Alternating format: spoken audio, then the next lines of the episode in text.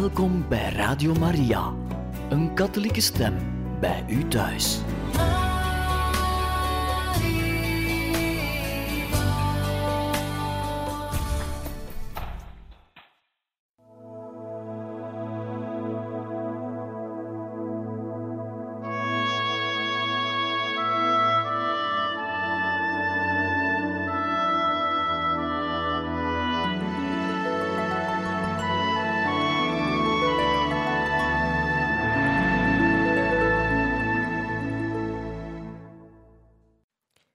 Beste luisteraars van Radio Maria, hartelijk welkom in dit programma Heilige Getuigen, waar wij verder gaan met de lezing uit het boek De Wenende Maagd van La Salette, geschreven door Eerwaarde Heer de Vleeschouwer. Wij zijn nog steeds bij hoofdstuk 9, La Salette in het gedrang, en beginnen nu met het vierde onderwerp, het leven van Maximin. We wensen u een deugddoende sessie toe. Het leven van de twee kinderen die zo plots uit hun gewoon midden waren weggerukt, werd door de talrijke tegenstanders op jammerlijke wijze verdraaid en gans verkeerd uitgelegd. Daaruit volgt dat sommige middenstands nog zeer wantrouwig staan, zowel tegenover de kinderen als tegenover gans de gebeurtenis van La Salette. Het gebeurt nog wel dat men die afbrekende opwerping te horen krijgt. La Salette, hoe zou men daar kunnen aan geloven? De twee kinderen zijn toch totaal mislopen. Zulke uitlatingen zijn een bewijs van volkomen onwetendheid of van gans verkeerde interpretaties. Daarom willen we de levensloop van de twee zieners wat nader belichten. Het leven van Maximin, evenals dat van Melanie, is niet zo eenvoudig. Vooraf dient gezegd dat ze het karakter van hun jeugdjaren steeds bewaard hebben. De onbezonnen guitenstreken van Maximin, die steeds een groot kind is gebleven, hebben de vrienden van La Salette zeer ontmoedigd. De jongen was voor hen een zwart schaap, terwijl Melanie in de afgelegen eenzaamheid van Castellamara hen een engel geleek. Toen Maximin in 1868 likeurfabrikant werd, ging er een algemeen alarm op, dat rond zijn naam de legende spon van Maximin de Goedlever, Maximin de Dronkaard. Dat Maximin veel zwakheden had, zal niemand betwisten. Maar daaruit afleiden dat hij een goedlever of dronkaard was, is gemene laster. Daarvan getuigen zijn eigen geschriften, waarin hij zegt: Als ik fortuin, eer en genoegen heb gezocht, kan niemand daaruit besluiten dat ik van de rechte weg ben afgedwaald. Het spijt me niet dat ik van dat alles wat ik zocht niets gevonden heb. Ik zeg nog meer: mijn getuigenis over de verschijning is de grondoorzaak geweest van al de wisselvalligheden van mijn leven. Had men mij maar in mijn geliefde bergen gelaten, mijn leven ware veel kalmer en rustiger geweest en ikzelf veel gelukkiger. Het zwarte brood van mijn dorp had ik zo niet moeten missen zoals het fijner voedsel van de grootsteden. Ik zeg nog meer, had ik gewild, ik was schatrijk geweest, met eenvoudigweg de lafheid te begaan, mijn woorden over de verschijning te herroepen. Dit is een duidelijk bewijs dat hij zijn liefde voor de waarheid oneindig hoger schat dan de grootste weelde. Hij heeft dagen van nijpende honger en bittere armoede gekend.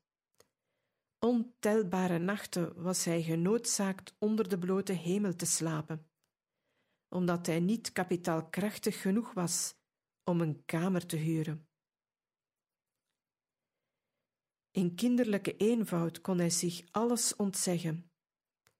Hij was en bleef een groot kind, zowel toen hij elf was of vijfendertig Zijn leven is feitelijk mislukt, dat bekent hij zelf.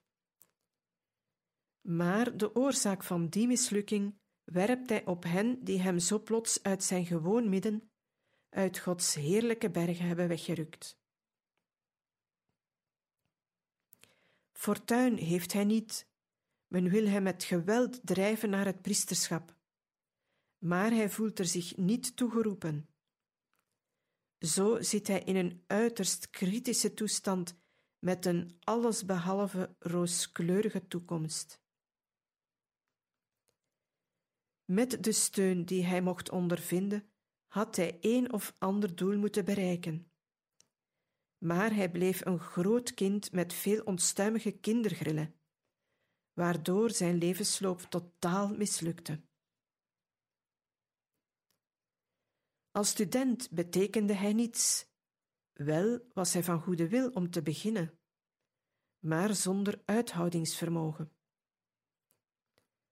Zonder zich over zijn toekomst erg te bekommeren, laat hij zich door zijn beschermers voortstuwen tot in de theologie. Zo belandt hij op het seminarie van Rondeau. In zijn naïeve brieven spreekt hij daarover niets anders dan over poetsen, bakken, mislukte examens, verlof en uitstappen, maar nooit over zijn ijver of liefde voor de studie. Na ieder mislukt examen maakt hij nieuwe vaste voornemens om voortaan beter te werken. Nooit werpt hij de steen naar zijn leraren, maar steeds bekent hij zijn eigen fout. Hij bekent dat hij dwaas geweest is, maar telkens is hij vol hoop om zich te beteren. Zo verblijft hij twee jaar op het seminarie van Rondeau.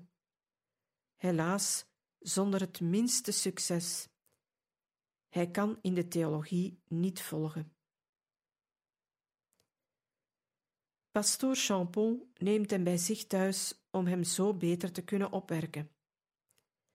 Na drie jaar private lessen en studie wordt hij aanvaard op het seminarie van Air-sur-l'Adour, maar weer zonder enig resultaat.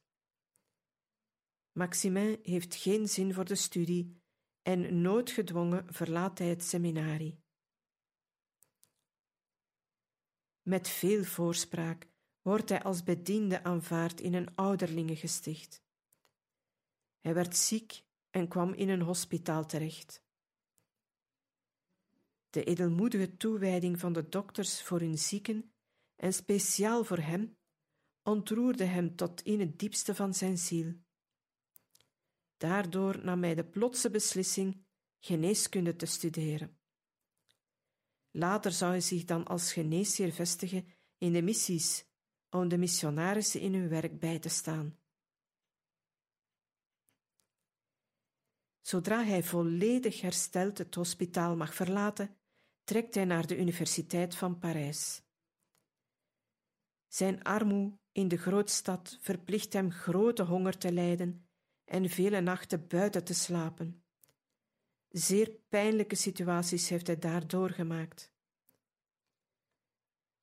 Zoals hij later zelf beweert, ligt hier de oorzaak van zijn slepende ziekte, die zijn vroegtijdige dood voor gevolg had.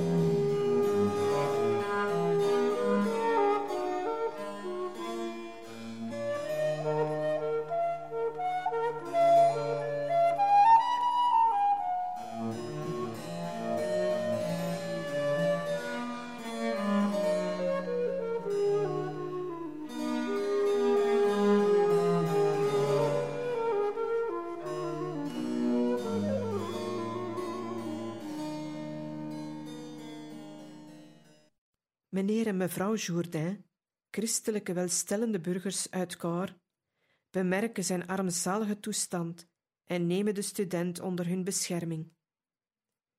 Na twee jaar voelt hij weer zijn absolute onmacht, waardoor hij zijn studies moet opgeven. Zijn beschermers geven hem het jaar daarop de gelegenheid een reis naar Rome te maken. Daar trekken de zouaven zijn aandacht en schijnen hem zo sympathiek dat hij spontaan, zonder er verder over na te denken, een akkoord afsluit om ook pauselijk zouaaf te worden.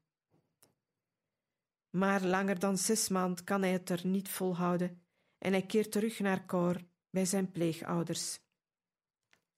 Hij had niet het minste benul om geld te beheren. Alles rees hem nutteloos door de vingers, zodat hij weldra tot over zijn hoofd in zware schulden zat. In 1868 bood een groot industrieel uit Grenoble hem het voorstel om met hem samen te werken aan de fabricatie van een alpenlikeur, gedistilleerd uit de planten van La Salette. Dit beroep, dat bij velen zijn naam schandvlekte, heeft hij niet meer overwogen dan al de rest. Hij zag hierin een uitstekend middel om zijn grote schulden te kunnen afbetalen. Maar zijn handelsvernoot, die hem tamelijk goed kende, profiteerde van zijn kinderlijke naïviteit en nam hem op alle manieren beet. Tot hij er per slot van rekening alleen van doortrok en Maximin met nog grotere schulden achterliet. Einderaad en tot over zijn hoofd in de miserie ging hij terug naar meneer en mevrouw Jourdain, die hem uit medelijden wederom als hun pleegkind aannamen. Iedere mislukking maakte hem niets wijzer noch voorzichtiger. Het ruime veld van mogelijkheden scheen hem nooit uitgeput. Twee jaar voor zijn dood nam hij nog het besluit, zodra zijn schulden afbetaald geraakten, missionaris te worden van onze lieve vrouw van La Salette. Heel zijn leven werd geleid door een innerlijke, impulsieve kracht, diezelfde kracht die hem eertijds, toen hij vijftien jaar was, uit het klooster te La Salette naar de bergen lokte en hem herhaalde keren aanzette te vluchten. Tijdens de Frans-Duitse oorlog van 1870 werd hij ook gemobiliseerd. Hij lag in het fort van Barrault nabij Grenoble.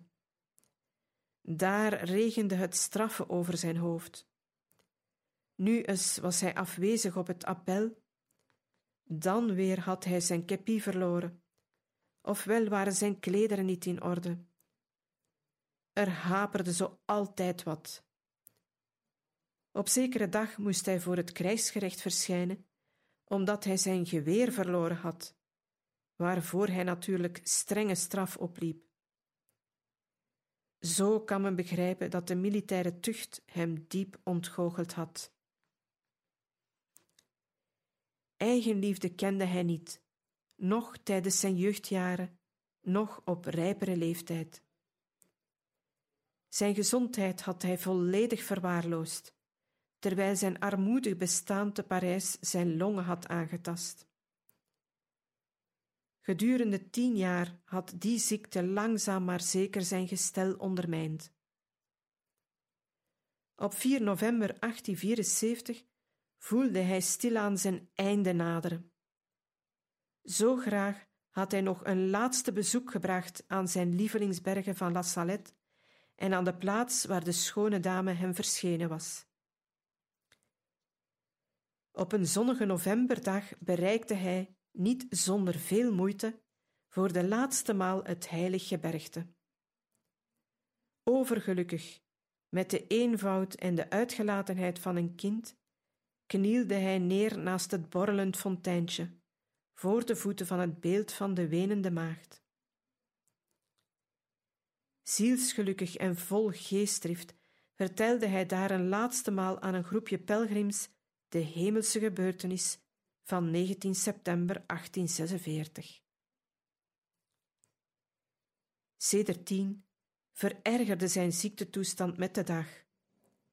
Op 1 maart 1875, nadat hij met buitengewone godsvrucht de laatste heilige sacramenten had ontvangen, tot het einde toe volledig bewust, ontsliep hij zacht in de Heer.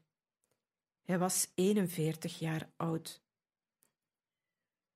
Onder grote volkstoeloop werd hij plechtig begraven op het kerkhof van Kaur.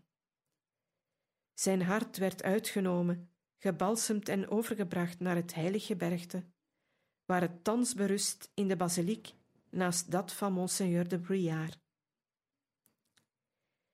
Zijn testament, dat men na zijn overlijden ontdekte, was een geestdriftige uiting van zijn groot geloof, van zijn kinderlijke liefde voor Maria en van zijn onwankelbaar betrouwen in de verschijning. Ik geloof al wat de heilige apostolische en Romeinse kerk ons leert, schreef hij. Al de dogma's afgekondigd door onze heilige vader de paus, de doorluchtige onfeilbare Pius IX. Ik geloof vast, zelfs ten prijze van mijn bloed, in de beroemde verschijning van de Allerheiligste Maagd op het gebergte van La Salette op 19 september 1846. Verschijning die ik verdedigd heb door mijn woorden, geschriften en lijden. Dat na mijn dood niemand komen beweren of zeggen dat men mij over de grote gebeurtenis van La Salette ooit horen herroepen heeft, want door de wereld te beliegen zou hij zichzelf beliegen. In deze gesteltenissen geef ik mijn hart aan onze lieve vrouw van La Salette. Getekend Maximin Giraud. Het bewogen leven van de herder van La Salette onderlijnt duidelijk zijn standvastigheid, waarmee hij altijd de werkelijkheid van de verschijning heeft bevestigd. Zeer vaak was hij ten prooi aan grove laster Zelfs wordt hij beschuldigd dat hij onwaardig was van die uitnemende genade. Dergelijk oordeel is volstrekt onrechtvaardig. De diep christelijke vorming die hij na 19 september 1846 bij de zusters van La Salette genoten had, is hem zijn leven lang bijgebleven. Dat alleen reeds aanziet hij als een buitengewone gunst, want zo getuigt hij later zelf. Zonder die verschijning was ik zeker totaal verloren gelopen. Helaas, het valt niet te logenen dat hij in zekere mate verslaafd was aan de drank, zonder dat men hem daarom een dronkaard kon noemen. In zijn prinste jeugd nam vader Giraud hem regelmatig mee naar de herberg en deed hem sterke drank drinken. Wel is die slechte gewoonte hem min of meer bijgebleven, maar men mag hierin toch niet overdrijven. Als het soms gebeurde dat hij een glas te veel genomen had, is dit vooral te wijten aan hen die hem wilden dronken maken, om op die manier de inhoud van zijn geheim te kennen, of om hem de verschijning te doen logenen en tegenspreken. Maar niemand is daar ooit in gelukt. Zeker, Maximij kon lachen, maar wanneer men dat punt aanraakte, werd hij ineens stug en ernstig. Zijn medeburgers waren hem zeer genegen. Toen men te Caen de rode vlag van de Republiek plantte, kon Maximin zoiets niet uitstaan. Buiten zichzelf van verontwaardiging sprong hij met geweld vooruit, rukte de rode vlag eraf en vertrappelde die in het slijk onder het gejuich van zijn dorpsgenoten. En weldra rees de oude driekleur opnieuw de hoogte in. De burgerlijke overheid durfde er niet tegen ingaan, want gans de bevolking van Caen stond aan zijn zijde en verdedigde hem geestdriftig. Zijn zedelijk leven stond ver boven iedere verdenking. De liefde voor ons lieve vrouw had gans zijn hart veroverd. Herhaalde malen heeft hij bevestigd dat de koningin van de maagden alle aardse liefde in zijn hart had uitgedoofd. niet tegenstaande het buitengewoon aanzien dat hij genoot en de grote eer die hem werd aangedaan, bleef hij nederig en eenvoudig van karakter. Toen men hem voortdurend aanwees als de bevoorrechte ziener van La Salette, antwoordde hij: Ik wou dat ik rondom mij niet meer hoorde roepen: Dat is Maximin. Ik zou willen dat men mij aan de kant stelde als een muziekinstrument dat men gebruikt heeft en nadien in een hoek plaatst. Niemand bekommert zich nog om het speeltuig, maar men houdt te meer van de melodie die het voortbrengt. Niemand denkt eraan dit koperen instrument te loven, maar men prijst de artiest die het bespeelt. Dat nam zijn natuurlijke gebreken niet weg. Hij was geen heilige. Zijn wispelturig en uitgelaten karakter scheen tegenstrijdig met de zending die de Heilige Maagd hem had opgelegd en die hij zo trouw met engelengeduld vervulde. De mensen oordelen slechts naar de uiterlijke schijn. Aan eenvoudige zwakheden vinden ze aanstoot. Maar het essentiële van de werking van de genade kunnen ze onmogelijk doorgronden. Vijfde onderwerp: de levensloop van Melanie. Evenals Maximin werd ook Melanie tijdens haar leven door lastertongen beklad en gelasterd. Als men mag geloof hechten aan haar devote sympathisanten en aan het persoonlijk verhaal van haar jeugd, komt ze voor als een edele ziel, bevoorrecht met de meest buitengewone mystieke genade. Naar het oordeel van velen had ze na de grote gebeurtenis van La Salette een gewichtige zending te vervullen die de duivel op duizend verschillende wijzen door zijn list onophoudelijk dwarsboomde. Geboren te Cor op 7 november 1831 was ze op het ogenblik van de verschijning bijna vijftien jaar. Ze was totaal ongeletterd. Ze was trouwens nooit naar school geweest. Haar ouders waren straatarm, zodat ze het meisje vanaf haar prilste jeugd uit bedelen zonde. In 1841 moest ze als herderin in dienst op een boerderij te Saint-Jean-des-Vertus. In 1843 te Saint-Luce en in 1845 te Quet-en-Beaumont. Drie dorpen in de onmiddellijke omgeving van Cor. Sedert maart 1846 was ze in Les Ablandins op de boerderij van Jan-Baptiste Bra. Haar gemis aan opvoeding, het verwaarlozen van haar jeugd en de stille eenzaamheid in de eentonige bergen maakte haar zeer eigenzinnig en dromerig. Haar leven lang is haar dat gesloten karakter bijgebleven. Daarbij was ze zeer onstandvastig, niets vooruitziend en af en toe geweldig koppig. Afgezien van deze gebreken is ze echt kinderlijk gebleven haar naïeve onschuld sprak uit ieder van haar daden en straalde uit haar reine ogen. Ze was ten volle oprecht en kwaad kende ze niet. Schone hoedanigheden die ze gedurende gans haar leven heeft bewaard. Overal werd ze druk besproken en beoordeeld, zodanig dat men haar dikwijls dingen toeschreef die ze nooit had gezegd. Mijn heil ligt in het kruis, was haar levensleuze waarmee ze later gewoonlijk haar schriften begon, en werkelijk het lijden bleef haar niet gespaard.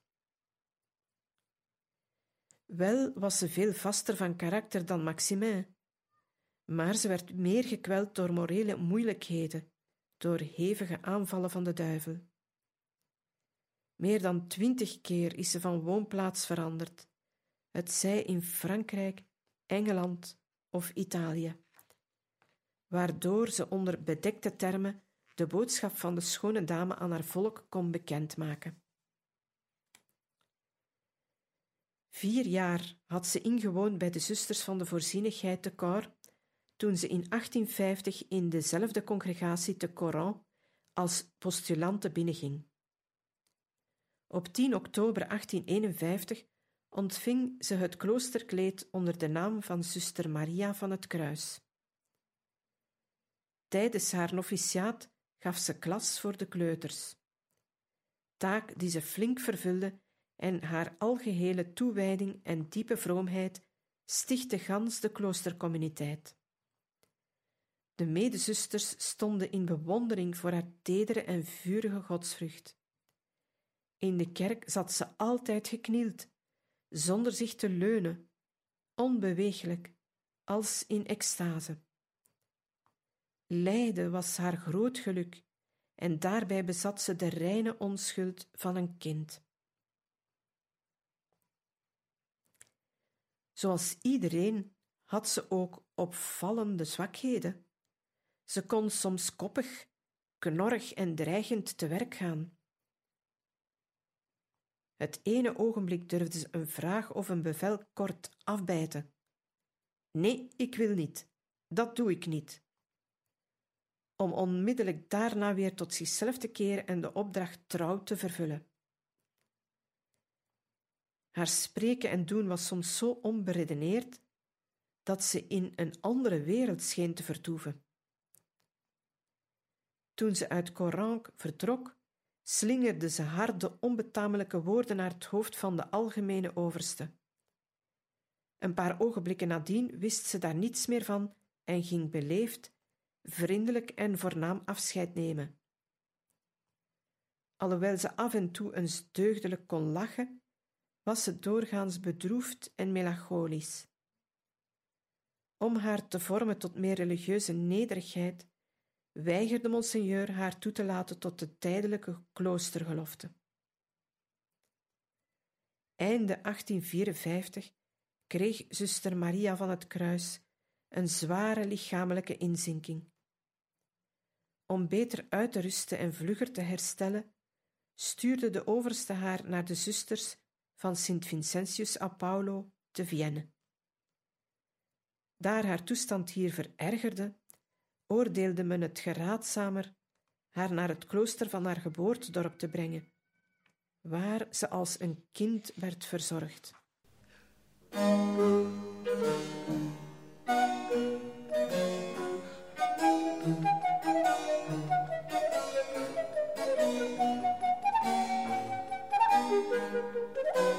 Thank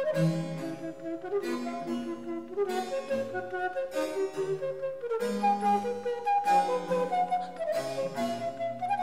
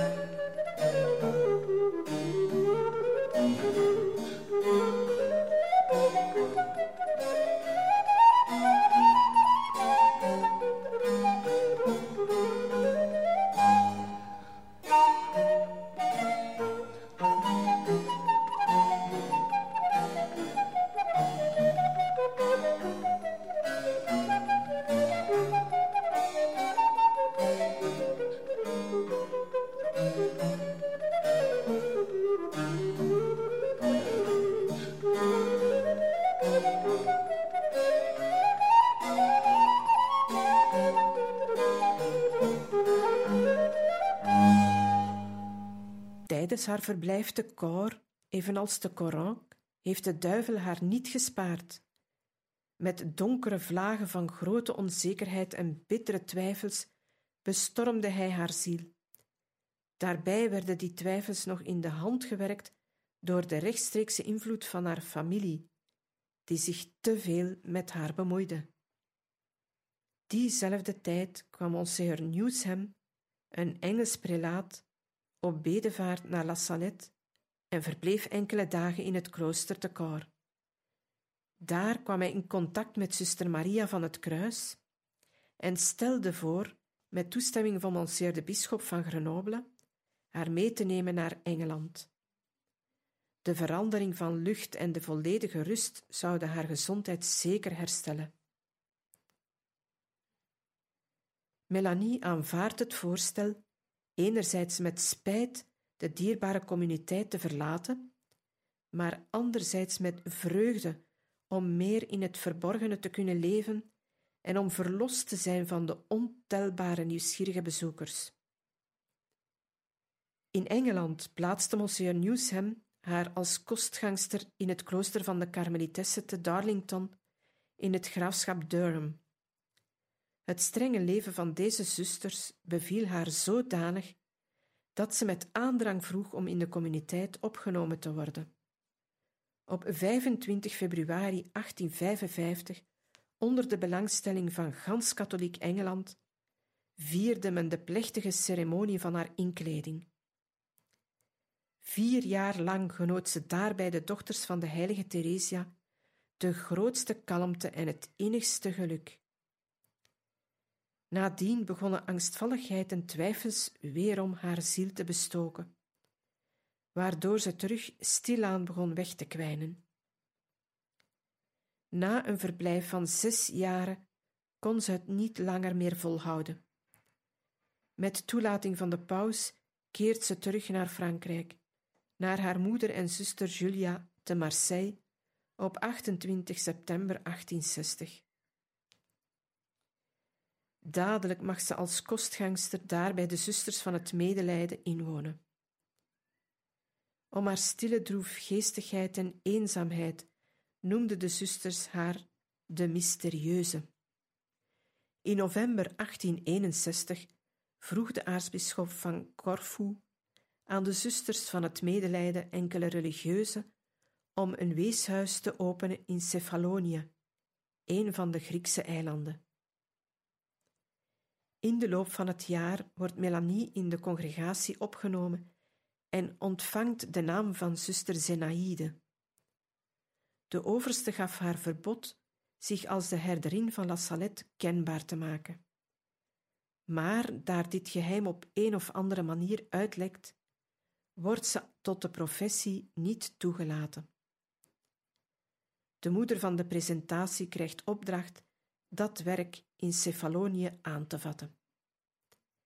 Deze is de vertrouwelinge van Melanie en krijgt de toelating deze met zich mee te nemen. Zo komt de herderin van La Salette in Griekenland. Maar na enkele maanden blijkt het dat deze tot dit werk weinig of niet geschikt zijn, zodat de bisschop zich verplicht ziet na twee jaar hun werk op te heffen en hen naar Marseille terug te sturen. Melanie doet daar een nieuwe poging in de Karmel. Maar langer dan tien maanden gaat het niet. Dan wordt ze weer opgenomen bij de zusters van het medelijden, waar ze in 1864 opnieuw het noviciaat begint, onder de naam van zuster Victor. Weerom krijgt ze het formeel verbod zich in de communiteit of daarbuiten als de zinster van La Salette kenbaar te maken.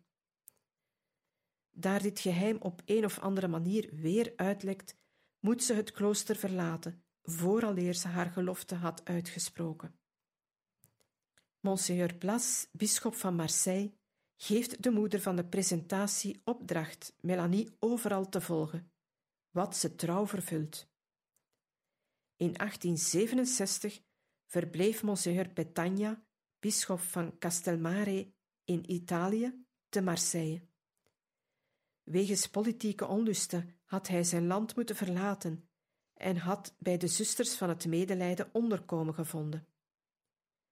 Na zijn terugkeer onderhandelt hij met de bisschop van Marseille en stelt voor Melanie in zijn bisdom op te nemen.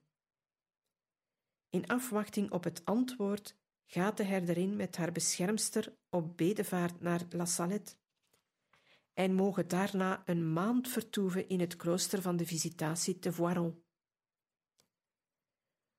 Op 21 mei 1867 vertrekken ze naar Castelmare, waar ze 17 jaar verblijven onder de wijze leiding van Monsieur Petagna. Hier begint Melanie weerom haar kalmte te verliezen.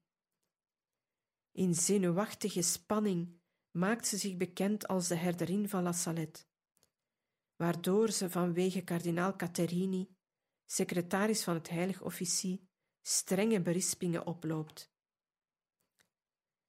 Op 21 augustus 1884 komen de twee vriendinnen met elkaar in botsing, zodanig dat ze in onenigheid van elkaar scheiden. Daarop trekt Melanie naar Cor, waar haar zieke moeder dringende verzorging nodig heeft. Begin 1885 vestigt ze zich met haar moeder te Cannes, waar deze het jaar daarop overleed. Op uitnodiging van Monsieur Zola, bisschop van Lecca, keert ze in 1892 terug naar Italië.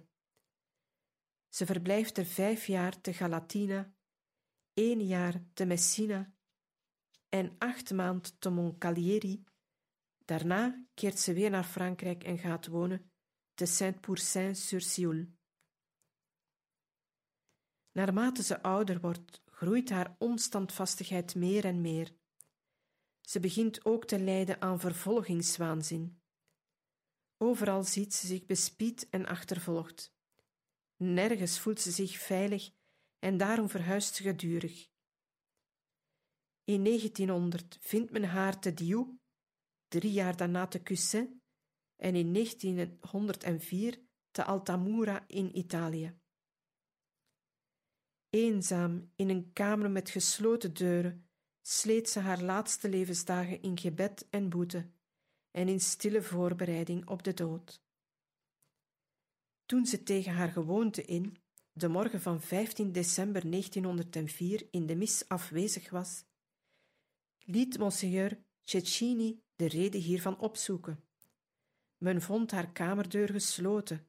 Binnen scheen alles doodstil. Toen de politie de deur opengebroken had, vond men haar dood naast haar bed. Ze was toen 73 jaar oud. Gebeurde haar heengaan plots? Het was zeker niet onvoorzien.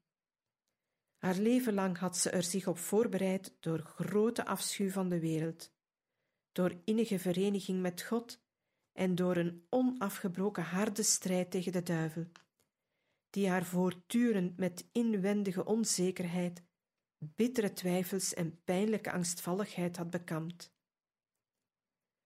Overal waar ze vertoefde, heeft ze velen gesticht door haar vrome godsvrucht, haar engelachtige reinheid en door haar vurig verlangen zich door het lijden ten volle aan God weg te schenken.